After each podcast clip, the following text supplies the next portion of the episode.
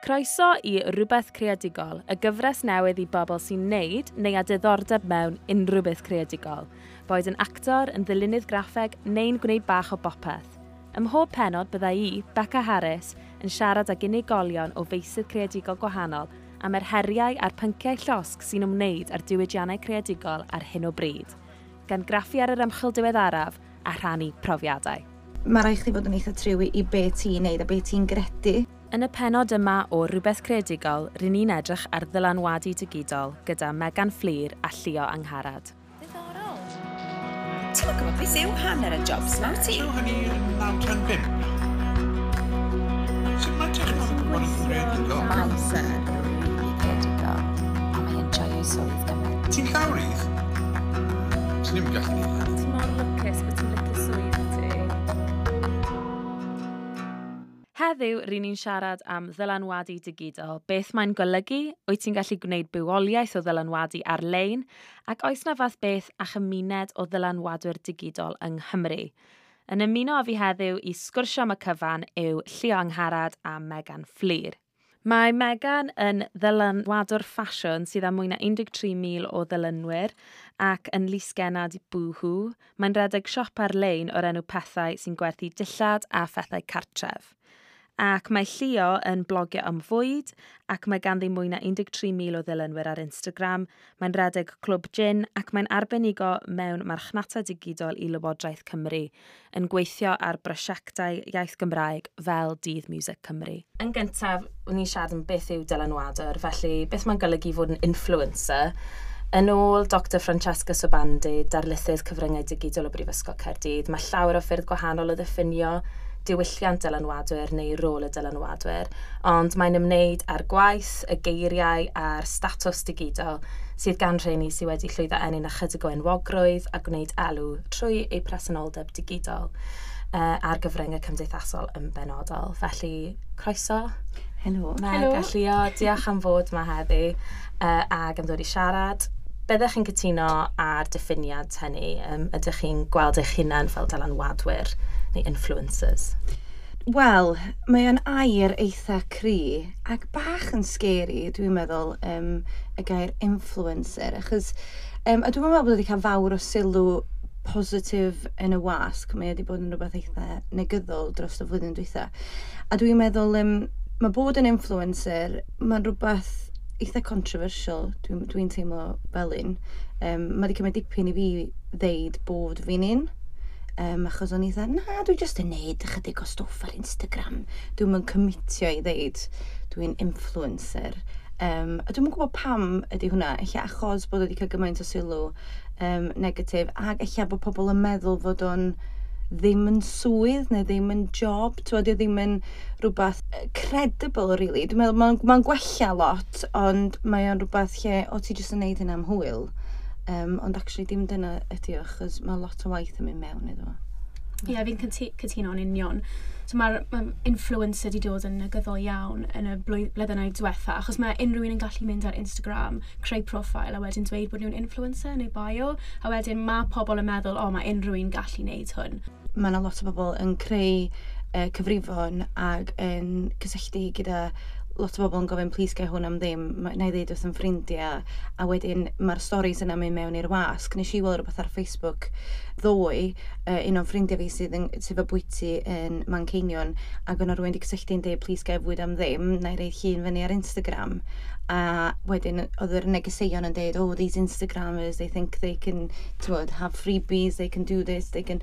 Ac dwi'n meddwl, well, mae hwnna'n rhaid enw drwg i'r rhai sy'n gweithio mor galad a sy'n rhaid gymaint o amser mewn i'r cynnwys ac yn gweithio fo brandiau. Mm -hmm. um, achos dwi ddim yn rhywbeth lle, da ni jyst yn yn dan weithio da ni rei hun fyny um, achos bod ni yn mwynhau rhywbeth ond yeah. os ti'n gweithio efo brand mae yna lot o waith achos mae nhw efo rheola rownd i brandiau nhw mae gennych chi'ch morals so mae dod i gytundeb a mae'n gallu bod yn bythefnos tair wythnos o waith mae'n gymleth Dwi'n fwy o waith na pobl yn credu. Yeah. O'ch chi wedi penderfynu o'r cychwyn pam wnaethoch chi ddechrau bod chi eisiau bod yn ddylanwadwr, mae dyna be o'ch chi moyn wneud. O'ch chi fel, o fi'n fi setio mas nawr i fod yn ddylanwadwr, neu oedd e'n rhywbeth, oedd chi wedi soddoli oedd yn digwydd o'ch chi fel, ond fi eisiau gweithio ar hyn.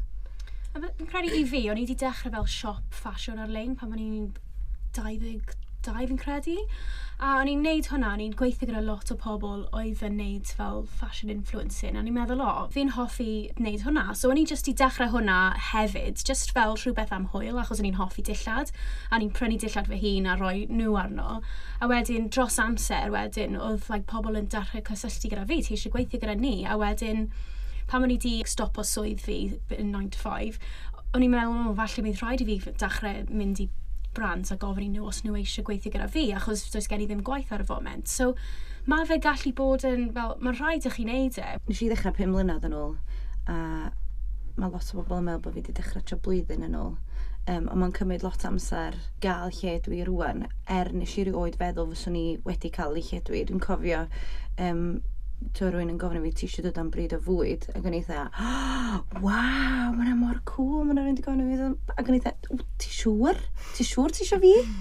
a, a dyn ers hynny um, dwi'n meddwl mynd am un pryd o fwyd ac yn, yn gweithio fo brand a wedyn nath mwy a mwy a mwy ddod a wedyn nath yr influencing Instagram just dyfu a tyfu. Ond nes i rioed feddwl fyswn i'n gallu gwneud arian allan ohono fo a dwi dal yn gweithio llawn amser so mae hwn yn rhywbeth dwi'n mwynhau i wneud, tywed, um, a dyna oeddwn i'n mwynhau i wneud 5 mlynedd yn ôl, ac o'n i'n hoffi bod pobl o'r gogledd yn cysylltu fo fi os oedden nhw'n dod lawr i gerddi i chwilio am rwle i fyta neu lle aros, a hwnna oedd y peth mwyaf, so dyna, dyna bydd yn cael fi'n excited oedd bod fi'n gallu helpu nhw i ddweud, o oh, ie, os da chi'n dod lawr, allwch chi fynd fan hyn, a fan hyn, a, a yn enwedig adag rygbi, dyna pryd oedd, oedd ni'n rili really brysur, a wedyn nath hwnna jyst tyfu a tyfu. Felly nath y ddigwydd yn naturiol, ond o'ch chi'n teimlo fel ma hwnna'n rhywbeth fi'n rili really mwynhau a fi'n mynd i fynd amdani? Ie, yeah, achos pum mlynedd yn ôl, do'na ddim influences, na ddim byd, ond na just Instagram a doeddwn ni'n really gwybod os oedd Instagram yn mynd i fod yn rhywbeth rili really poblogaidd na bod yna influencers yn mynd i ddod. So, oeddwn ni'n neud o achos un, bod fi'n joio byta, a dyna pam mae dyna Slimming World yn andros o flin o fi, achos bod fi jyst yn joio byta. Dwi'n neud yn andros o wael ar hwnna. um, a wedyn, o'n i'n licio rhannu ym mhrofiadau, achos oedd gynnu fi lot o deulu sy'n byw yn ôl yn Sir Fôn, so oedden nhw'n cael gweld beth o'n i'n neud. A wedyn, pam oedd hi'n adag rygbi ac oedd yna lot yn dod lawr, oedden nhw'n cysylltu efo fi, a mynd, o, oh, lle dylai fi fynd am fwyd? Ac o'n i'n meddwl, o, oh, actually, dwi yn gwybod, dylai chdi fynd i fan hyn, neu dylai chdi gefnogi'n lleol, a mae'n bethau da yn digwydd. So, um, o hwnna wedyn, nath o just tyfu a tyfu, a ges i'r gwahoddiad cyntaf, ac o'n i'n mor excited. Um, An, ag, a nath nhw'n dweud, o, ti eisiau dod i drio bwyd ni yn un o'r bwyty yn Gerdydd. Ac yn eitha, oh, waw, mae hwnna'n amazing. Yn eitha, ydych chi siŵr? Oh my god, ti eisiau fi, ti eisiau fi dod o rhywbeth efo fi? Ti eisiau fi dod o fol o folafont neu rhywbeth? O'n i mor fel, o'n i mor excited amdano peth. A wedyn eisiau am hartner, ac o'n i, dwi'n cofio yn mynd i'r bwyty yma, ac o'n i'n ofyn byta. ac o'n i dweud, o na, mae'n gostio yn di, o, neu, neu mae'n cymryd un beth bach. Ac oedd nhw'n you can have anything off the menu. Ac o'n eitha, um, oh, just have a starter am ffwl. A wedyn eisiau fynd am kebab wedyn, achos o'n i mor nefus. ac oedd hyn tra tair, tair mlynedd yn ôl. So, A dyn ers hynny, mae pethau wedi dechrau newid, a dwi wedi dechrau dod o fwy cyffyrddus o fynd yna, a pethau dda, wch. Ti'n gan teg, sy'n ni'n mwy o fohono fe. Yeah. Um, so, lle o ti'n, lle oedd y pwynt o ti'n teimlo fel, O, oh, okay. fi'n lle galw fy hun yn influencer nawr. Dwi dal yn nerfus amdano fe, ti? Na, na, fi dal ddim yn dweud bod fi'n influencer. Ydy yn neud i chi wingo chydig bach, a neud chi cringe yeah. bach. Falle fel 5 e? mlynedd yn ôl, bydd y gair yn fel dda, ond nawr mae, oherwydd Instagram, mae'r gair just tainted, yeah. fi'n credu. Ie, yeah, a ti'n gorfod bod yn eitha triw i chdi dy hun, as in, fyswn i byth yn gwerthu things danadd neu rhywbeth, achos dim dyna dwi'n neud, so bwyd dwi'n neud, a dwi'n neud lot o drafeilio gwmpas Cymru a mynd i llefydd gwahanol. Ond mae rhaid chi fod yn eitha triwi i be ti'n neud a be ti'n gredu. Mm. So dwi wedi cael cynigion ffantastig, ti'n uh, i wneud pethau. A dwi'n meddwl, oh my gosh, fysa'r arian am briliant, swn i'n gallu mynd ar holiday bach, so hwnna lyflu. Ond dwi wedi gorfod mynd, well, actually, ond dio ddim rhywbeth dwi'n really credu yn. Yeah. A dwi, mae gennym fi'r gwynab na lle, os dwi'n really credu yn fod ti'n gwybod, ti'n gwybod, as in, os dwi'n flin, ti'n gwybod? Yeah. Os dwi'n upset. yeah. So, so ti'n so gwerthu yn y ah, beth. Ie, o, oh, mae hwn yn lovely. So, oh, nice.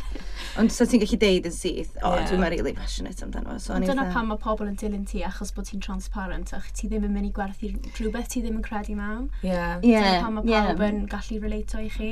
Achos fi, fi, fi'r un peth, fi wedi cael lot o pet pobl yn, uh, mae yna arian mewn e, a fi'n meddwl, o, arian neis. Ond bydde fi ddim yn teimlo'n cyfforddus roi hwnna mas i dilynwyr fi, achos dwi, dwi ddim yn wir, fydde fi jyst yn neud am arian, felly mae rhaid i chi yeah. bod na fi yw fi a fi ddim yn neud hwnna, a dyna beth fi'n fi stico yn erbyn, achos dwi jyst ddim eisiau neud pethau. Yeah. Mae'n neud i fi crinjo os fi'n neud rhywbeth fi ddim eisiau neud. Mm. Hyd yn oed gyda dillad, os mae rhywun yn danfon fi rhywbeth bydde fi ddim yn gwisgo, fi yn crinjo mas tipyn bach, a wedyn fi'n trio steilo fe i wneud e mewn i steil fi, ond um, fi wedi dysgu dweud na nawr, os, os, os e ddim i fi, fi jyst yn dweud na, dim diolch. So Meg ti'n creu lot o posts ynglyn â fel rhoi dillad at ei gilydd a dangos dillad gwahanol a creu lot o fideos. Wyt ti'n meddwl am dy hun fel gweithiwr creadigol? Am fi'n credu bydde fi yn, achos mae fe yn... Fi'n gwybod mae lot o pobl yn gallu gwneud fel YouTube a Instagram, ond mae fe mae'r rai sydd fel yn successful yn yw'r rai sy'n gweithio'n galed amdano fe. So, like, dwi, dwi ddim yn gweithio llawn amser nawr. Fi'n neud, um, you know, fi'n redeg busnes a neud hwn yn llawn amser. A, ie, yeah, dyna beth yw swydd fi nawr. Ond dwi ddim yn cael cyflog o Instagram. Fi byth wedi cael penny. So fel ti'n cael tytalu, fi byth wedi cael fy nhalu i dim byd. So mae hwn yn just rhywbeth fel, fel ti'n dweud, personal brand, mae gen i um, pethau lle fi'n gwerthu pethau, a wedyn dwi'n defnyddio'r un ffasiwn fel, uh, fel personal brand fi, so fi gallu tyfu'r ddau gyda'i gilydd, so mae pobl yn prynu o pobl, a os fi, mae lot o pobl wedi prynu pethau o pethau oherwydd fi, achos fi'n siarad o dan fe, fi, fi'n rhannu fe, maen nhw'n credu fi, maen nhw'n credu mewn fi. So fi'n trio tyfu fel y personal brand i mynd gyda siop, really, siop ar-lein. Achos i ryw raddau,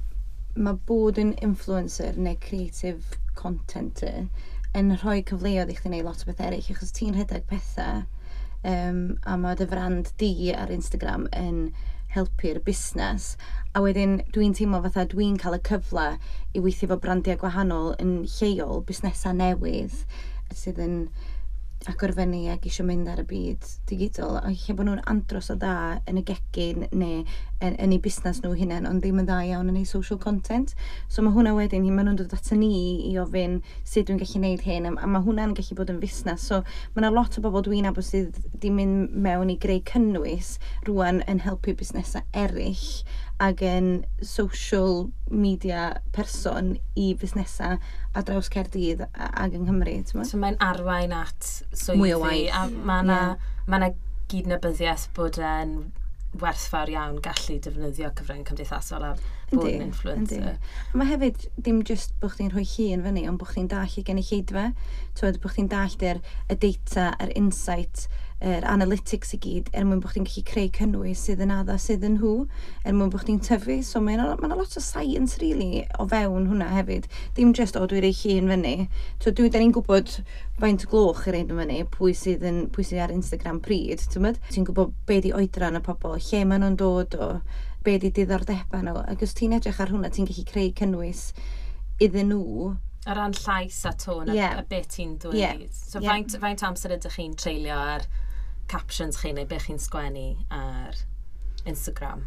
Dwi ddim yn para lot. Falle ti yn fwy achos ti fel wneud reviews o pethau, ond fi jyst yn dweud beth fi'n meddwl, a wedyn mae jyst yn dod mas, a fel, mae dim lot o amser i fi, ond falle...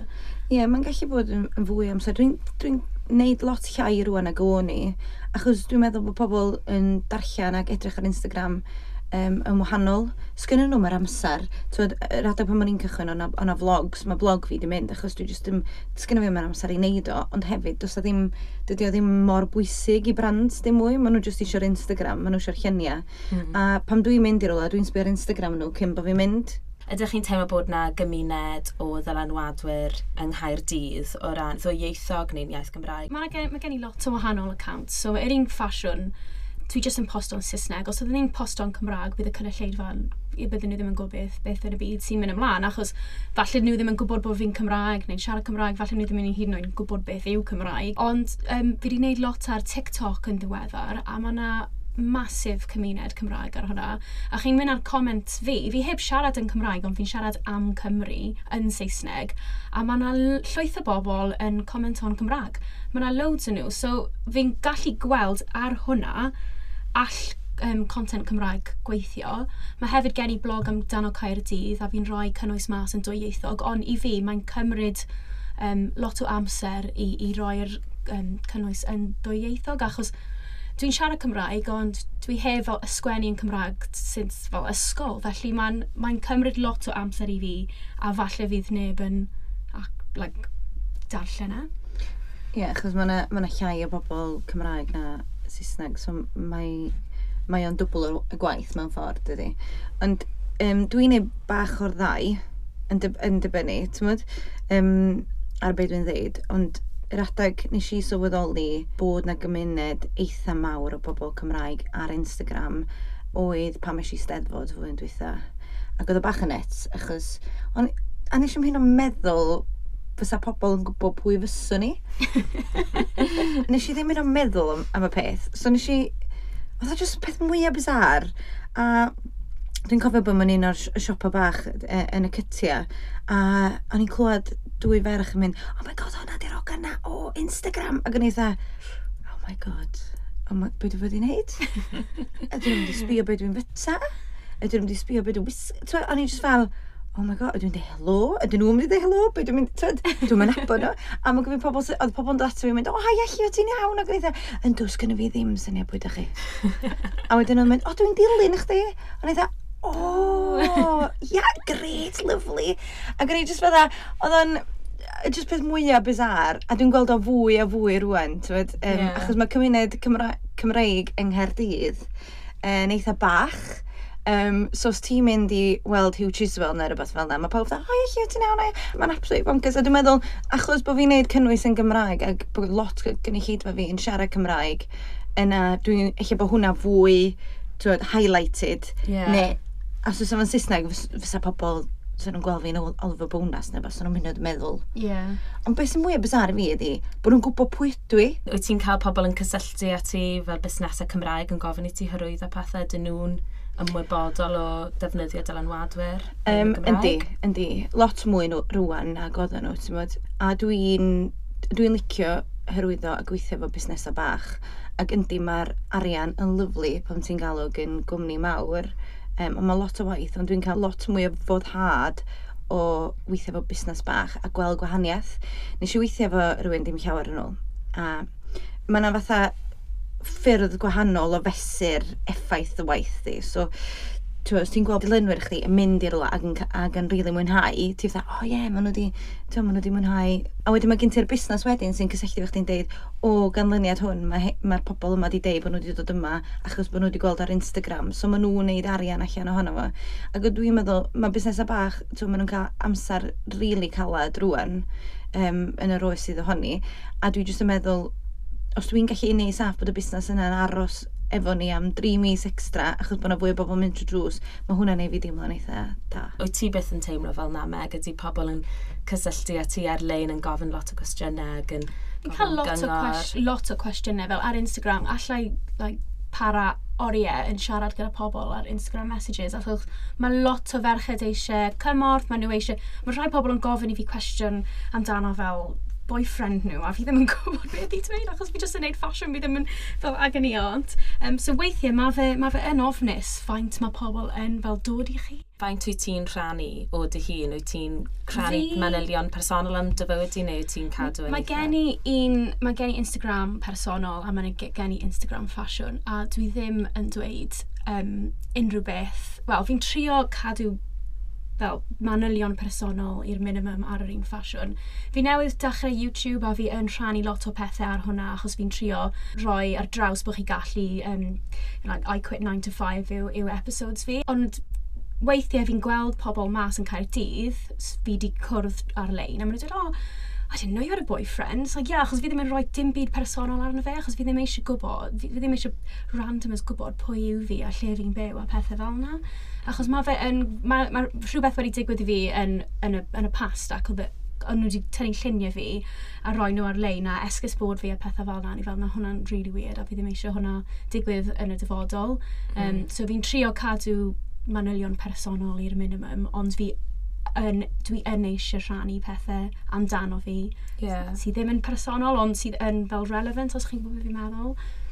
Da fel ymgysylltu efo'r cynulleidfa ond ti ddim eisiau rhannu gormod o pwy wyt ti. Ie. Yeah. Wyt ti'n teimlo fel na, fyd, O, oh, dwi'n ofnadwy. Um, dwi'n methu cadw dim byd i fi fy hun. Um, so, dwi, twyd, mae pobl ar Instagram stories fi wedi gweld fi wedi meddwi um, dwi wedi siarad am periods, dwi wedi siarad am bob mm. dim, ti'n mwyd? A dwi'n meddwl, as bod gynnu fi ddim ffilter, a dwi'n meddwl stopio, dwi just fel, oh, well, os di'n hariau ddim eisiau gwrando, dwi'n mynd ar Instagram, a dwi'n mynd i ddeithio nhw. oh, mae period pens ma'n ofnadwy. Ti'n mwyd, as in... Um... Mae hwnna'n relatable, though, fi'n credu, so mae fe'n neis, ond ti ddim yn dweud fel, o, fi'n byw yn tu yma. Mae'n ma, ma, ma personol, ond mae fe'n relatable i'r cynulleidfa, fi'n credu. Yndi, relatable i'r cynulleidfa, ond eich ddim i'r cynnwys. a ddim i mam a nain, chwaith.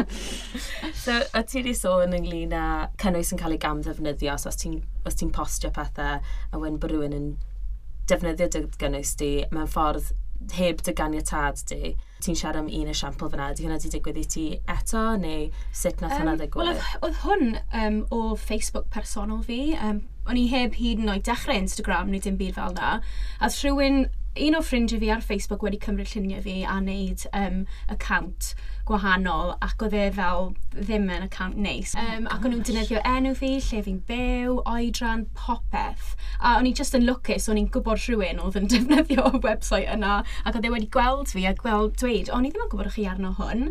O'n i fel, uh, fi ddim. A es i weld e, o'n i fel, oh, oedd e'n ofnus iawn. O'n i fel, fi ddim eisiau rhoi gormod ar-lein, fi ddim eisiau rhoi lluniau yn yn dwe. fi, fi just ddim yn neud dim byd fel yna, fi trwy'r amser yn gwisgo fel dillad yn llawn achos fi, fi mor ofnus. Um, ond fi'n gwybod mae'r content fi'n rhoi ar Instagram nawr allai fynd unrhyw le a fi'n hapus gyda hwnna achos fi di mm. rhoi e arno a jyst dim byd fi gallu wneud ond pam oedd yn Facebook personol fi oedd, oedd hwnna'n ofnus so dyna pam os chi'n mynd ar Facebook fi nawr dys gen i ddim lluniau dys gen i ddim unrhyw manylion chi'n methu ffeindio fi ar Facebook so ie yeah, mm. mae rhaid i fi cadw'r personal mm. life ar, ar gwaith yn ar y wahân fi'n credu, achos mae'n yn gallu bod yn ofnus. Math o catfish, dydy? Ie, yeah, literally catfish. Oh my god ti wedi cael unrhyw brofiad yn y negyddol o bobl yn defnyddio dy gynnwys ti mewn ffordd ti'n angytuno efo? Um, dwi yn meddwl bod os ti yn defnyddio cynnwys rhywun, dylia chdi creditio'r person sydd wedi creu'r cynnwys.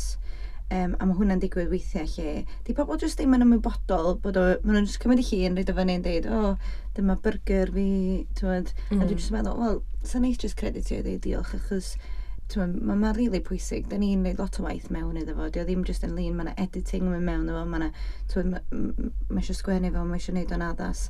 A mae just yn deud diolch amdani hwn, a da ni ydy'n iawn i ni ddefnyddio fo yn helpu, achos dwi ddim yn gwybod lle mae'r lluniau mynd. Mm. Um, so os dwi'n gallu cael rhyw fath o reolaeth o, oce, okay, dwi'n hapus i chi reid hwnna fyny yna dwi'n gallu rheoli fo bach yn well. Mae'n anodd achos o ti'n gweud bod ti'n hapus efo popeth ti'n postio nawr, um, Meg, so y syniad yna bod rhaid i chi dderbyn bod e mas na, ac achos bod e mewn ar blatfform chi'n does dim gymaint o reolaeth da chi drosto fe.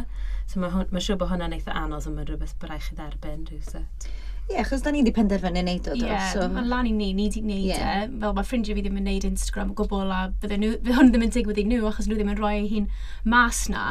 Ond mae fe just un o'r pethau negyddol sy'n dod gyda rhywbeth wych. Fel, mae wneud Instagram di, di rhoi loads o cyfleoedd i fi. A os mae rhywun yn tyfodau llun fi, fel, so be it. Fel, fi wedi cael lot o fel pethau dda yn dod o hyn. Mae rhaid i chi cymryd risgs a un o nhw yw fel cael eich content yn cael ei defnyddio rhywle arall. Mae'n amazing bod chdi wedi stopio job chdi i fynd i weithio llawn amser ar hwn. Yeah. Dwi'n edmygu pawb sy'n neud hynna. Mae fe mor anodd. Yr, er, er, er, er peth fwyaf anodd yw arian, achos mm. mae gen i mortgage a, a popeth, a mae rhaid i fi safio arian pan o'n i'n gweithio i, i allu wneud hwn. Ac ar y foment, does gen i ddim cyflog yn dod o unrhyw man um, ond am pethau, ond on, mae'r profit yn mynd nôl mewn i, i Facebook a Instagram ads a pethau yeah. fel yma. So, so holl, ti'n hollol freelance wedyn. Yeah, so... Um, a dwi'n meddwl bod hwnna'n eitha rhywbeth i, i godi o ran influencers, bod o ddim yn waith am ddim tymod?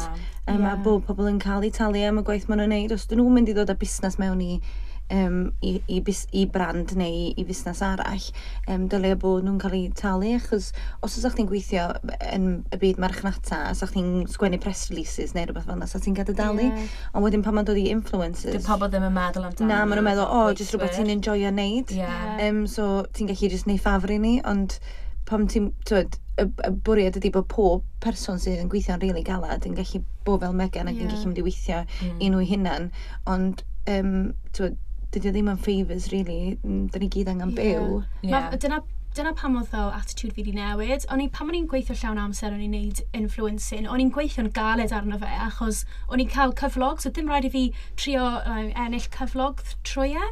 A wedyn pam o'n i wedi um, stopo gweithio llawn amser, o'n i fel, fi ddim eisiau wneud hwn. Fi'n gwario pedwar awr am ddim byd, dim arian, yn, yn tynnu lluniau ar fel dydd gwener. Fel, pam fi'n neud hwnne? So, o'n i just ddim yn gwybod, ac o petrol hefyd, o'n i just fel, dwi ddim yn gwybod pam fi'n neud hwn, dim mwy. Oedd, oedd just y hwyl wedi mynd pam, pam o'n i ddim yn cael fy nhalu, pam o'n i rili really angen cael fy nhalu, ac oedd e'n gwaith, mae'n gwaith galed. So, ie, yeah, mae ma, Ond dwi'n fi credu pum mlynedd yn ôl, falle, os ydych chi'n neud ffasiwn pum mlynedd yn ôl, byddwch chi yn cael eich talu. Mm -hmm. Ond mm. nawr mae siwt gymaint o ferched yn, neud, yn hapus wneud e am ddim, mae fe, mae'r, mae'r, maen nhw ddim eisiau talu chi. Mae di newid. Ie, yeah, mae wedi newid. Fel yeah. 13,000 followers, 5 mlynedd yn ôl, oedd hwnna'n rili really dda. Nawr, fi'n credu mae yna lot o ferched yn prynu dilynwyr, a mae just yn, mae fel, mae'r gêm wedi newid, a mae'n rili really mm. anodd creu cyflog, fi'n credu. Mm. Mae'n anodd gofyn hefyd, achos os, os gen ti ddeg person sy'n mynd i ddigwyddiad neu'n gweithio efo brand, um, mae fees nhw gyd yn wahanol, ac hefyd, ti'n meddwl, o, ydyn nhw wedi gofyn am fi? Ti'n modd, os dyn nhw yeah. heb, dwi yeah. ddim yn gofyn, a wedyn, eich bod chdi ddim yn cael pres. Beth yw'r reola? Yeah. Dim byd digidol lle does dim reola, really, os na? Wel, na'r peth, ti'n modd, achos ti'n gallu mynd na, gallu bod na rhywun yn cael dau cam pint, cam pint am fod yna, a ti'n penderfynu, o, oh, actually mae hwn yn really good i brand fi, so na i just ei bod fi'n neud am ddim, a ti'n meddwl, o, dwi wedi colli allan ar y dau cam pint, so os na ddim reola, a dyn nhw'n dyn nhw'n mynd o droso fatha rei, dyma'r ffi ar gyfer pawb. Yeah. Ma, ma nhw'n gofyn i chdi beth dweud y ffi di. A dwi'n dallt hynny, um, as mae'n ddibynnol ar faint o bobl sy'n dilyn chdi ac yn y blaen, ond dylia bod na cap ar fel, reit, da ni'n talu o leia 50 pint, yeah. neu bynnag, am, am weithio hefo ni.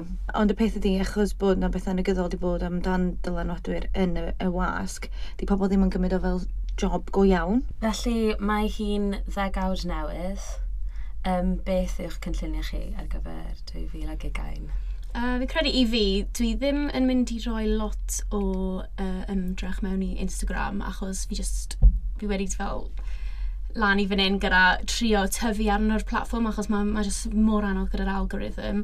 Um, fi'n mynd i troi TikTok tipyn bach achos mae hwnna jyst i tyfu loads yn y misoedd diwetha.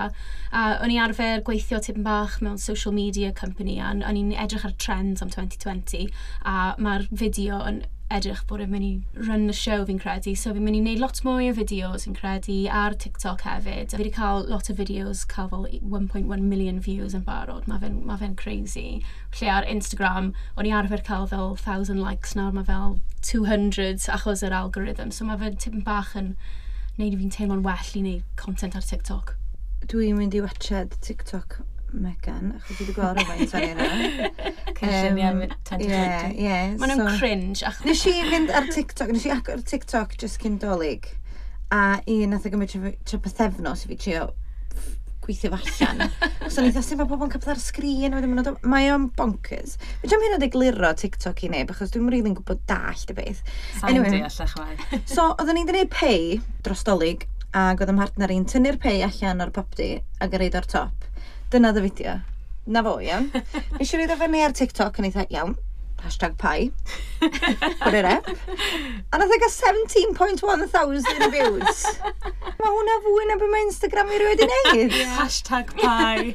a ni fel, oh my gosh. So, dwi'n mynd i edrych ar TikTok. Ie, yeah, byddwn fi'n dweud awch ar TikTok. Ie, yeah, eich fawr gael tips gynnach chi, achos dwi'n gwybod sydd yeah. adio sgrifo. Mae fe'n really hawdd. Mae yna lot o trends ar TikTok hefyd, a mae yna chi jump ar y trends, yeah. a trio neud nhw i ffit o chi. Dwi'n gwneud dawns, eisiau gwneud dawns i kitchen. Oh Oedd yn awful. Oedd yn ofnadwy. Gatho dim ond 600 o views neu rhywbeth. Mae yna lot o celebs nawr yn dechrau dod o Instagram a maen nhw gyd ar um, TikTok sy'n tipyn bach yn anheg achos maen nhw gyda'r dilynwyr yna mm. yn barod a nhw'n cael blue tick yn barod ond mae fe'n dangos bod na shift yn dod. So, um, falle chi ddim yn gwneud arian ar TikTok nawr, ond yn y dyfodol fi'n credu chi yn. A os mae TikTok ddim yn poblogaidd, fydd y teip o fideos yna fi'n credu yn mynd i'r platfform, fydd mm. Instagram yn trio wneud rhywbeth fel TikTok Bydd. soon. Dwi'n yeah. cytuno, achos um, nes i wneud y, fi y fideo pei na wedyn, nes i wneud y fyny ar ti'n gallu rhoi o fyny ar Instagram, dwi? Yeah. So ti'n gallu symud nhw o un lle i llall. So, mae i wedi creu'r cynnwys, ti'n gallu just rhannu nhw ar platforms eraill. Podcasts dwi'n mynd i fynd i mewn i. Ah, nice. Dal yr un yma. Yeah, so mae hwn yn good test i fi. yeah. Um, so ia, yeah, podcast, gobeithio neud efo'n ffrind, just yn siarad am bob dim, really um, yr holl bethau dwi'n rantio ar ar Instagram. a, um, dwi'n mynd i drio wneud yma e podcast. O, oh, cool. E, mae siarad fy merched eraill hefyd. E, dwi'n mynd i weithio efo Pork Wales, dwi'n cydweithio efo Sainsbury's, a wedyn dwi'n dechrau efo bwyd môr Cymru, so mae hwnna'n eitha exciting oh, i weithio nice. efo brands. A brands dwi'n gredu yn hefyd, ti'n modd, um, Uh, dwi wedi mwynhau, dwi wedi gweithio blwyddyn gyntaf fi fy Sainsbury's. Mae hwnna wedi bod yn fabulous, mm. really joio gweithio fo nhw. Criw o ferched ydyn nhw. A ie, yeah, dwi wedi cael gweithio fo nhw a gweld cynnyrch Cymreig yn mynd mewn i, i siopa Sainsbury's yng Nghymru a hefyd bod nhw'n gweithio ar bethau sustainability a um, recycling a stwff, so dyn ni wedi bod yn rhan o hwnna. Plus bod fi'n cael blasu bwyd nhw cyn bod nhw'n mynd mewn mm. ar y shelf. So dwi'n mynd i Llundan a dwi'n gwario penwythnos efo Sainsbury's yn bita ah, bwyd nhw. So sam gobaith i fi golli bwysau A fi'n gwybod bod ti'n lusgenna bwhw. Ie. Yeah. Um, so ti'n parhau efo... Ie, yeah, mae contract fi yn dod i ben gyda nhw yn mis Medi fi'n credu. Um, ond gobeithio bod hwnna'n rolol dros achos mae wedi yn, yn barod. Ond ie, yeah, dwi, dwi ddim gyda lot lot yn mynd ymlaen gyda'r ffasiwn. Fi'n credu achos fi wedi stopo rhoi lot o pwyslais arno fe. Ma, ma Ti'n canolbwyntio ar pethau yeah, pethau, ar siop. Ie, yeah, well, mae ma lot yn digwydd gyda pethau. Mae Dwi'n dwi, trio cael ar NatWest Accelerator course a pethau ah, fel yna. Okay. A dwi'n neud lot fwy o fel um, chatbots um, uh, yn lle fel email marketing, fi'n defnyddio chatbots a pethau fel yna. So mae yna loads yn mynd ymlaen a fi brysur, brysur iawn gyda hwnna, ond ie, uh, yeah, just angen neud tipyn o bach arian. Reit, wel, fi'n edrych ymlaen i weld fideos TikTok ti Megan. a fi'n mynd i, fi i chwilio am hashtag pai. Llio. yeah. Diolch yn fawr iawn i Llio a Megan am siarad gyda ni heddiw ynglyn â sut beth yw bod yn ddylanwadwyr. Mae wedi bod yn agoriad llygad. Sa'n siŵr byddwn ni'n gallu goroesi fel dylanwadwr. Diolch hefyd i Dr Francesca Sobandi am ddarparu'r ymchwil perthnasol. Uh, gallwch ddarllen mwy am ei hymchwil hi yn nodiadau'r sioe. A diolch i chi am rando. Os chi'n awyddus i wrando ar ein penodau eraill, mae nhw ar Spotify, iTunes, unrhyw le chi'n hoffi gwrando ar eich pods. Uh, os oes gennych chi unrhyw syniadau am beth ylen ni fod yn trafod tro nesaf, rwy'ch wybod i ni, defnyddiwch yr hashtag rhywbeth credigol a dilynwch ni Caerdydd Credigol ar Twitter. Os chi'n neud rhywbeth creadigol, tuniwch mewn tro nesaf lle byddwn ni'n trafod rhywbeth creadigol arall. Hwyl am y tro.